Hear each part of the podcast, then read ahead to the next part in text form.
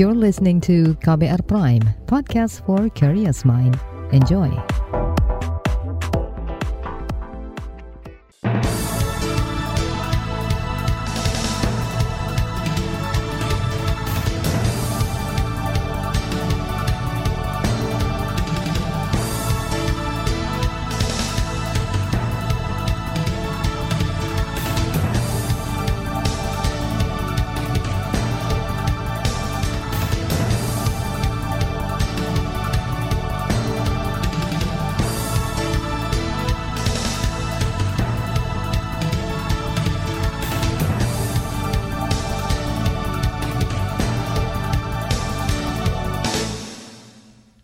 Selamat pagi, saudara. Senang sekali kami bisa menjumpai Anda kembali melalui program Buletin Pagi edisi Rabu 24 Agustus 2022.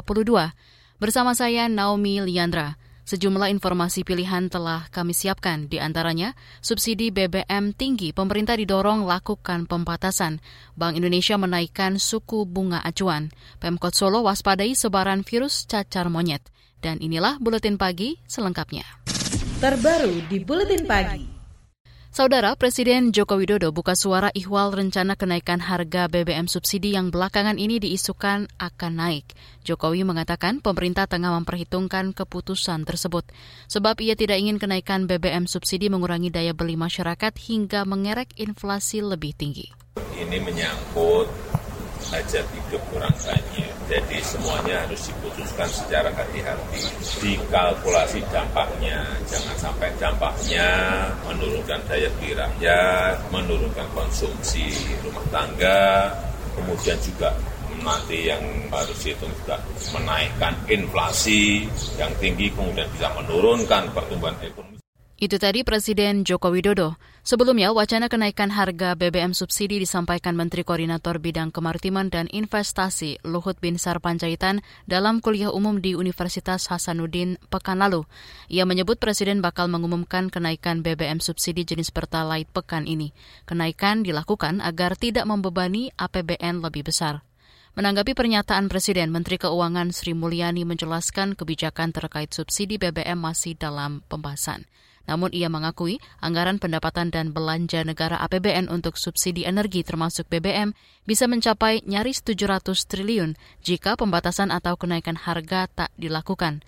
Saat ini anggaran subsidi energi yang diterapkan di APBN 2022 lebih dari 500 triliun. Maka kita perkirakan subsidi itu harus nambah lagi, bahkan bisa mencapai 198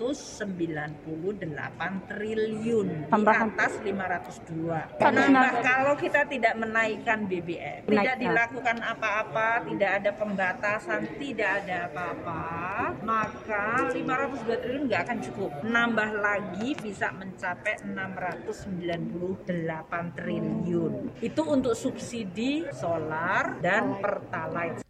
Sri Mulyani mengungkapkan saat ini ada tiga pilihan yang muncul, yakni menaikkan anggaran subsidi, mengendalikan volume BBM dengan melakukan pembatasan, dan menaikkan harga BBM. Ia mengaku ketiga pilihan tersebut tak ada yang mengenakan. Namun kata dia APBN sudah sangat berat karena anggaran subsidi telah naik tiga kali lipat tetapi tetap tidak mencukupi kebutuhan. Sementara itu, PT Pertamina belum mendapat arahan apa pun dari pemerintah terkait kenaikan harga dan pembatasan BBM bersubsidi. Tetapi juri bicara Pertamina Patraniaga Irto Ginting mengaku kuota subsidi BBM sudah menipis dan diprediksi akan habis sebelum akhir tahun jika tidak ada pembatasan itu untuk Pertalite sudah di angka 16,8 juta. Dengan kuota 23 juta, artinya masih tersisa 6,2 juta per akhir Juli ya. Sementara untuk solar itu sudah tersalurkan 9,9 juta KL dari 14,9 juta kiloliter itu kuota yang ditetapkan untuk Pertamina. Artinya kan sudah minim juga. Itu sampai akhir Juli. Nah ini di bulan Agustus berarti sudah berkurang. Artinya ini kembali ke kuotanya yang memang kalau tidak ada pengaturan ini tidak akan cukup sehingga akhir tahun. Irto menegaskan untuk stok BBM Pertamina menjamin kebutuhan pasok nasional aman. Namun untuk kuota subsidi perlu ada penambahan jika tidak ada pembatasan. Ia menjelaskan harga BBM subsidi ditentukan pemerintah, sedangkan BBM non-subsidi menjadi hak sepenuhnya Pertamina. Kata dia, pada pekan lalu Pertamina telah menaikkan beberapa jenis BBM seperti Pertamax Dex, Dex Lite, dan Pertamax Turbo. Kenaikannya mengikuti nilai ekonomi harga minyak dunia. Wacana kenaikan harga BBM subsidi mendapat kritik dari parlemen. Anggota DPR fraksi PKS Amin Aka mengatakan kenaikan harga BBM subsidi akan melemahkan daya beli masyarakat, apalagi inflasi sudah mencapai 4,94 persen. Menurutnya, kondisi ini akan berpotensi menjadikan masyarakat yang rentan miskin menjadi miskin. Ya ini yang mestinya eh, apa namanya dilakukan oleh pemerintah yaitu melakukan pembatasan soal teknis ya aturan regulasi tentu mereka memiliki kewenangan dan memiliki instrumen yang lengkap untuk melakukan pembatasan dan mengawal ya pelaksanaan aturan itu dengan sebaik-baiknya. Tapi intinya adalah agar yang menikmati BBM subsidi adalah masyarakat yang berhak yang jumlahnya kurang lebih 40 persen. Amin menambahkan dengan kondisi APBN yang berat, mestinya pemerintah tidak melaksanakan proyek-proyek yang sangat membebani APBN seperti proyek Ibu Kota Negara atau IKN. Kata dia, jangan sampai proyek-proyek yang tidak memberikan benefit dan juga tidak mendatangkan profit malah membebani APBN. Senada dengan DPR, peneliti sekaligus Kepala Pusat Urusan Pangan, Energi, dan Pembangunan Berkelanjutan Indef, Abra Talatov, menyebut pembatasan pembelian BBM subsidi lebih solutif ketimbang menaikkan harga jual. Sebab, kata dia, momentum kenaikan BBM bersubsidi tidak tepat sebab saat ini Indonesia tengah mengalami inflasi. Ya, kalau mau anggarannya tidak jebol sampai 700 triliun, ya satu-satunya cara adalah dengan melakukan pembatasan uh, dengan adanya kriteria penerima, ya, entah itu berdasarkan kendaraan ataupun berdasarkan individu dan rumah tangga. Tetapi kalau menurut hemat saya, yang lebih solid kebijakannya adalah dengan berbasis rumah tangga, bukan berbasis kendaraan. Tapi harus ada uh, solusi yang lebih konkret, nah, dan ini butuh keberanian pemerintah pada akhirnya untuk memberikan payung hukum bagi badan usaha dalam hal ini Pertamina untuk melakukan pembatasan penjualan BBM. Abra juga meminta pemerintah membenahi data untuk memastikan subsidi BBM tepat sasaran kepada individu atau rumah tangga yang berhak mendapatkan. Selain itu, ia mendorong pemerintah segera merevisi perpres tentang penyediaan, pendistribusian, dan harga jual eceran BBM guna mengatur pembatasan pembelian BBM bersubsidi. Pasalnya, selama ini banyak kebocoran terjadi pada solar yang dinikmati perusahaan. Selanjutnya, Bank Indonesia naikkan suku bunga acuan. Informasinya akan hadir sesaat lagi. Tetaplah di Buletin Pagi KBR. You're listening to KBR Pride, podcast for curious mind. Enjoy!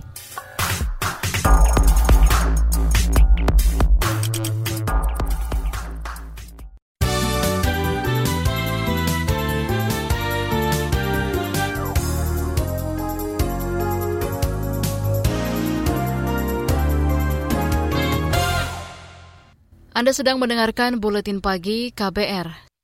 Saudara, Bank Indonesia menaikkan suku bunga BI 7 Days Reverse Repo Rate sebesar 25 basis poin menjadi 3,75 persen. Hal tersebut disampaikan Gubernur BI Peri Warjio saat membacakan hasil rapat Dewan Gubernur BI kemarin. Ia menambahkan suku bunga deposit facility juga naik sebesar 25 basis point menjadi 3 persen dan suku bunga lending facility naik sebesar menjadi 4,50 persen. Kenaikan suku bunga kebijakan tersebut sebagai langkah preemptif dan forward-looking untuk memitigasi risiko peningkatan inflasi inti dan ekspektasi inflasi akibat kenaikan harga bahan bakar minyak, BBM non-subsidi, dan inflasi volatile food, serta memperkuat kebijakan stabilisasi nilai tukar rupiah agar sejalan dengan nilai fundamentalnya dengan masih tingginya ketidakpastian keuangan global. Bank Indonesia terus memperkuat respons bauran kebijakan dengan beberapa langkah, seperti memperkuat operasi moneter melalui kenaikan struktur suku bunga di pasar uang. Langkah itu sesuai kenaikan suku bunga BI guna memitigasi resiko kenaikan inflasi inti dan ekspektasi inflasi. Selain itu, BI juga memperkuat sinergi antara pusat dan daerah untuk menjaga stabilitas harga pangan. Masih seputar ekonomi, realisasi anggaran pemulihan ekonomi nasional PEN per Agustus 2022 sudah mencapai 39 persen atau sekitar 170-an triliun dari pagu anggaran sebesar 450-an triliun rupiah. Ketua Komite Penanganan COVID-19 dan Pemulihan Ekonomi Nasional KPCPN Arlangga Hartarto mengatakan realisasi tertinggi dari klaster perlindungan masyarakat yakni 80-an triliun atau 53 persen dari alokasi anggaran 150-an triliun rupiah digunakan antara lain untuk PKH itu untuk 10 juta KPM, kemudian kartu sembako 18,8 juta KPM, BLT minyak goreng itu 7,2 triliun atau 23,9 juta penerima, BLT desa 17,1 triliun 7,5 KPM, untuk program kaki penanganan kaki lima dan warung nelayan sebesar 1,3 triliun dan kartu prakerja 8,9 triliun untuk 2,5 juta peserta. Erlangga menambahkan untuk klaster penanganan kesehatan sudah terrealisasi sebesar 35 triliun atau setara dengan 28 persen dari pagu 122-an triliun rupiah. Anggaran penanganan kesehatan ini digunakan untuk klaim pasien, insentif nakes, pengadaan vaksin, perpajakan kesehatan, dan dukungan anggaran belanja daerah. Kita beralih ke informasi hukum. Anggota Komisi Bidang Hukum DPR Supriyansa mendorong Kejaksaan Agung mengawasi suntikan penyertaan modal negara PMN dari pemerintah untuk Garuda Indonesia. Kata dia, Kejagung harus waspada dengan perusahaan pelat merah yang telah merugi. Apalagi bekas jajaran direksinya pernah tersandung masalah korupsi sehingga merugikan negara lebih dari 8 triliun. Kawan-kawan di Kejaksaan Agung ini membuat sebuah penilaian atau pengawasan tersendiri terhadap sebuah perusahaan yang diduga telah mengalami penyakit yang kronis, tiba-tiba disuntik anggaran yang begitu besar, apakah 7,5 ini menjadi masalah atau 7,5 triliun ini bisa memperbaiki 62 triliun itu. Jangan sampai 7,5 triliun rusak bersama dengan 62 triliun. Sebelumnya, PT Garuda Indonesia dipastikan mendapat suntikan modal dari pemerintah sebesar 7,5 triliun melalui penyertaan modal negara atau PMN. Suntikan dana ini diperlukan Garuda Indonesia agar dapat keluar dari krisis keuangan. Perusahaan penerbangan pelat merah itu mencatat kerugian di 2021 mencapai 62 triliun. Masih terkait informasi hukum, Kejaksaan Agung Kejagung tetap membuka peluang adanya tersangka baru kasus dugaan korupsi yang dilakukan Surya Darmadi atau SD. Jaksa Agung Sanitiar Burhanuddin memastikan dalam penanganan perkara itu Kejagung tetap menggandeng Badan Pemeriksa Keuangan BPK dan Badan Pengawasan Keuangan dan Pembangunan BPKP. Kalau ada bukti-bukti lainnya, siapa pun saya sikat. Ya. Kemudian masalah perhitungan, masa perhitungan kerugian negara kami memang libatkan BPKP. Jadi tidak asal-asalan kami menentukan berapa kerugian itu. Semua sumbernya adalah auditor negara, baik BPKP maupun BPK. Saat ini Kejagung tengah mengusut dugaan penyerobotan lahan oleh PT Duta Palma Group milik Surya Darmadi alias Apeng. Jaksa Agung Sanitiar Burhanuddin menyebut Surya Darmadi merupakan buronan sekaligus tersangka kasus korupsi senilai 78 triliun yang akhirnya menjalani pemeriksaan di Kejaksaan Agung Senin pekan lalu. Kita beralih ke berita mancanegara. Kasus korupsi satu Malaysia Development Berhad One MDB menyeret bekas Perdana Menteri Malaysia Najib Razak ke jeruji besi selama 12 tahun.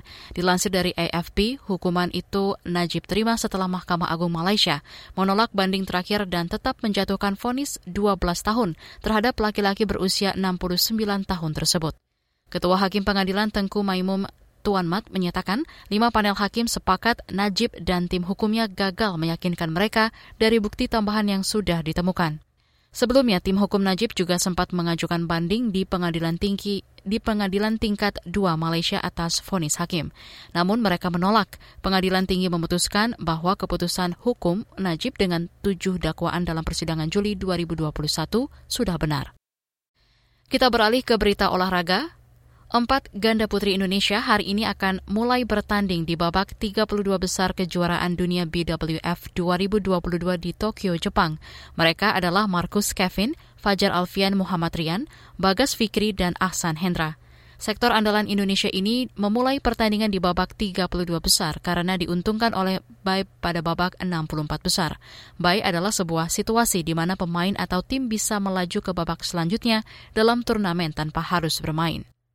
Mereka akan menghadapi ganda unggulan dari negara lain, semisal Kevin Marcus, yang bakal berhadapan dengan pasangan Republik Ceko Jaromir Thomas. Pertandingan akan dimulai 7.15 waktu Indonesia Barat. Di bagian berikutnya, kami hadirkan laporan khas KBR tentang RKUHP Sosialisasi Minim Partisipasi. Tetaplah di Buletin Pagi KBR. You're listening to KBR Pride, podcast for curious mind. Enjoy!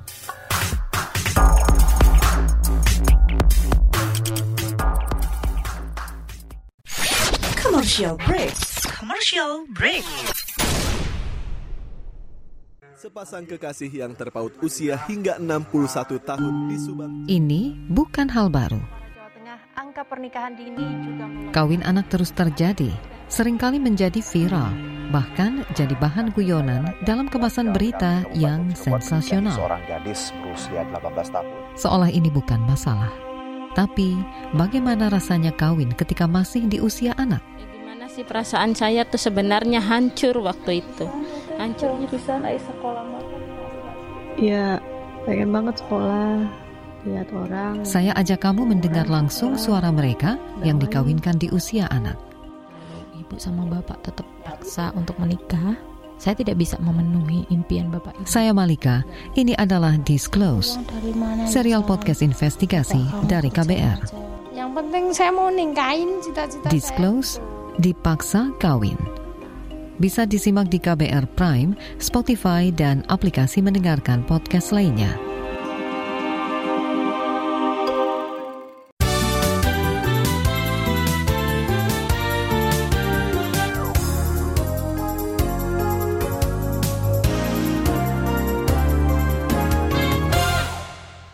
Pemerintah mulai menggencarkan sosialisasi rancangan Kitab Undang-Undang Hukum Pidana RKUHP ke masyarakat.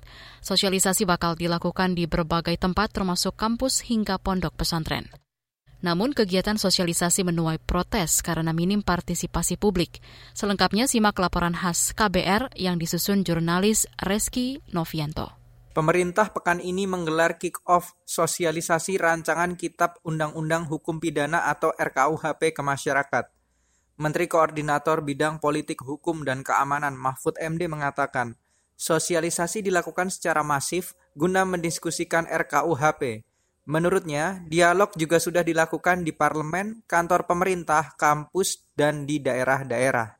Alhamdulillah, saat ini kita sudah menghasilkan rancangan Kitab Undang-Undang Hukum Pidana RKUHP yang relatif siap untuk segera diundangkan. Sudah selama 59 tahun kita terus membahas dan merancang RKUHP ini melalui tim yang silih berganti dan mendapat arahan politik hukum dari tujuh presiden. Sehingga rancangan ini dapat dikatakan sudah siap untuk segera diberlakukan. Mahfud mengklaim RKUHP sudah siap disahkan dan diundangkan.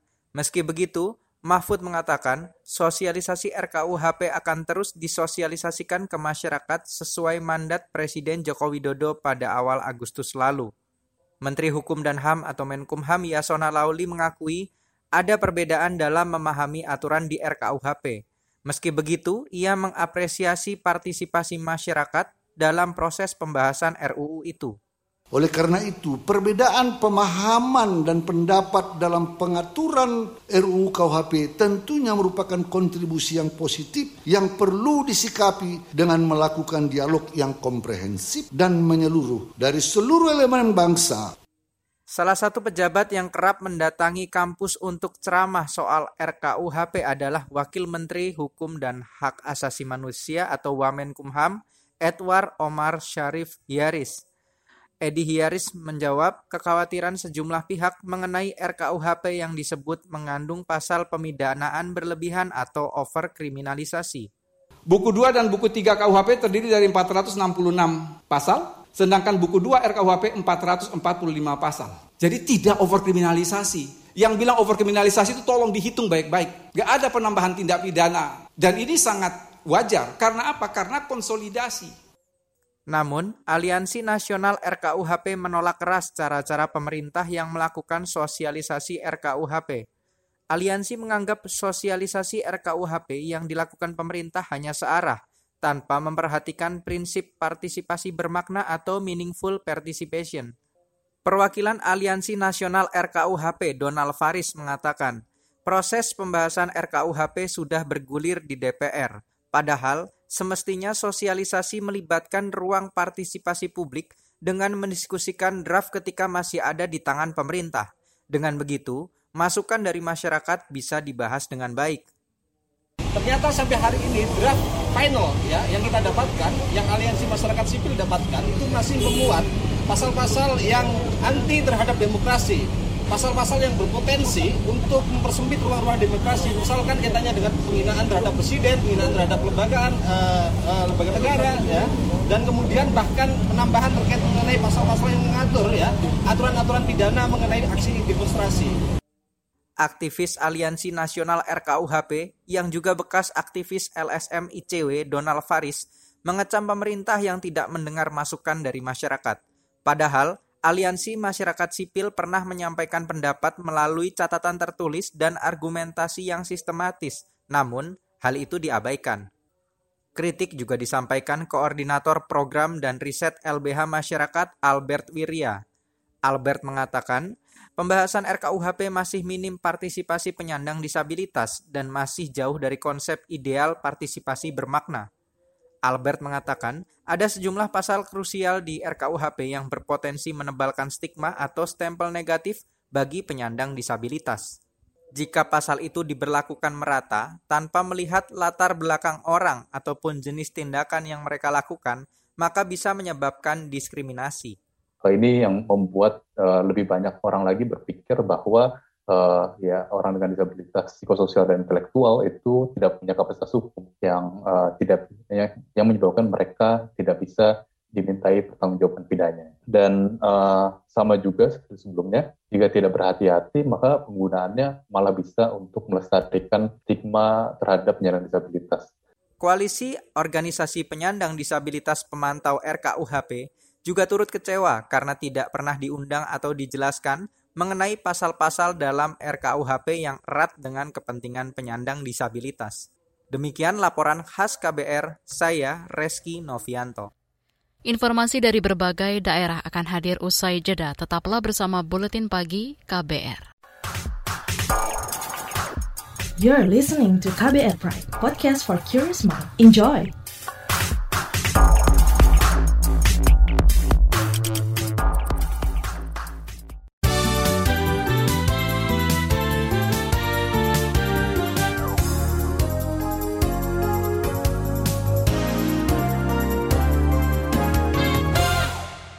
Inilah bagian akhir buletin KBR. Gempa melanda sejumlah wilayah Indonesia kemarin. Di Bali, gempa bermagnitudo 5,8 mengguncang kawasan Bali sekira pukul 15.36 waktu Indonesia Barat. Menurut Badan Meteorologi, Klimatologi, dan Geofisika BMKG, gempa dirasakan di Jawa Timur hingga Nusa Tenggara Barat. Gempa juga terjadi di Bengkulu. Mengutip antara news.com, kekuatannya 6,4 magnitudo dan berpusat di Kabupaten Kaur, Provinsi Bengkulu, namun tak berpotensi tsunami. Analis gempa bumi BMKG Kepahyang Sabar Ardiansyah meminta warga tidak panik, namun tetap waspada dan segera keluar rumah jika ada getaran gempa sekecil apa pun. Pemkot Solo mewaspadai munculnya penyakit cacar monyet yang saat ini mulai masuk ke Indonesia. Kepala Dinas Kesehatan Kota DKK Pemkot Solo, Siti Wahyuningsih mengatakan, Pemkot mulai aktif melakukan sosialisasi ke masyarakat terkait penyakit ini. Nah, itu kan ada prosedur surveillance-nya ya. Hmm. Nanti tunggu rumah sakit. Mudah-mudahan nggak ada lah di Solo. Tapi rumah sakit kan sudah ngerti dokter penanggung jawab ini. Oh ini curiga ini, saya ini kan sudah.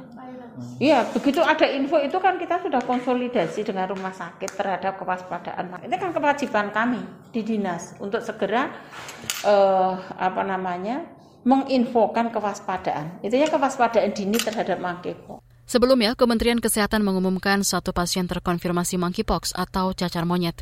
Pasien tersebut merupakan seorang pria berusia 27 tahun warga Jakarta. Ia baru pulang dari luar negeri sebelum dinyatakan tertular dan pulang ke Indonesia.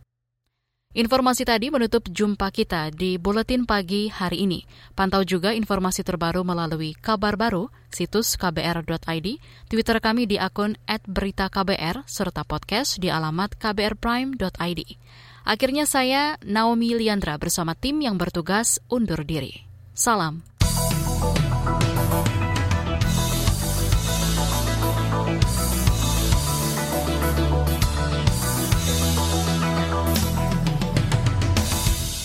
KBR Prime, cara asik mendengar berita. KBR Prime, podcast for curious mind.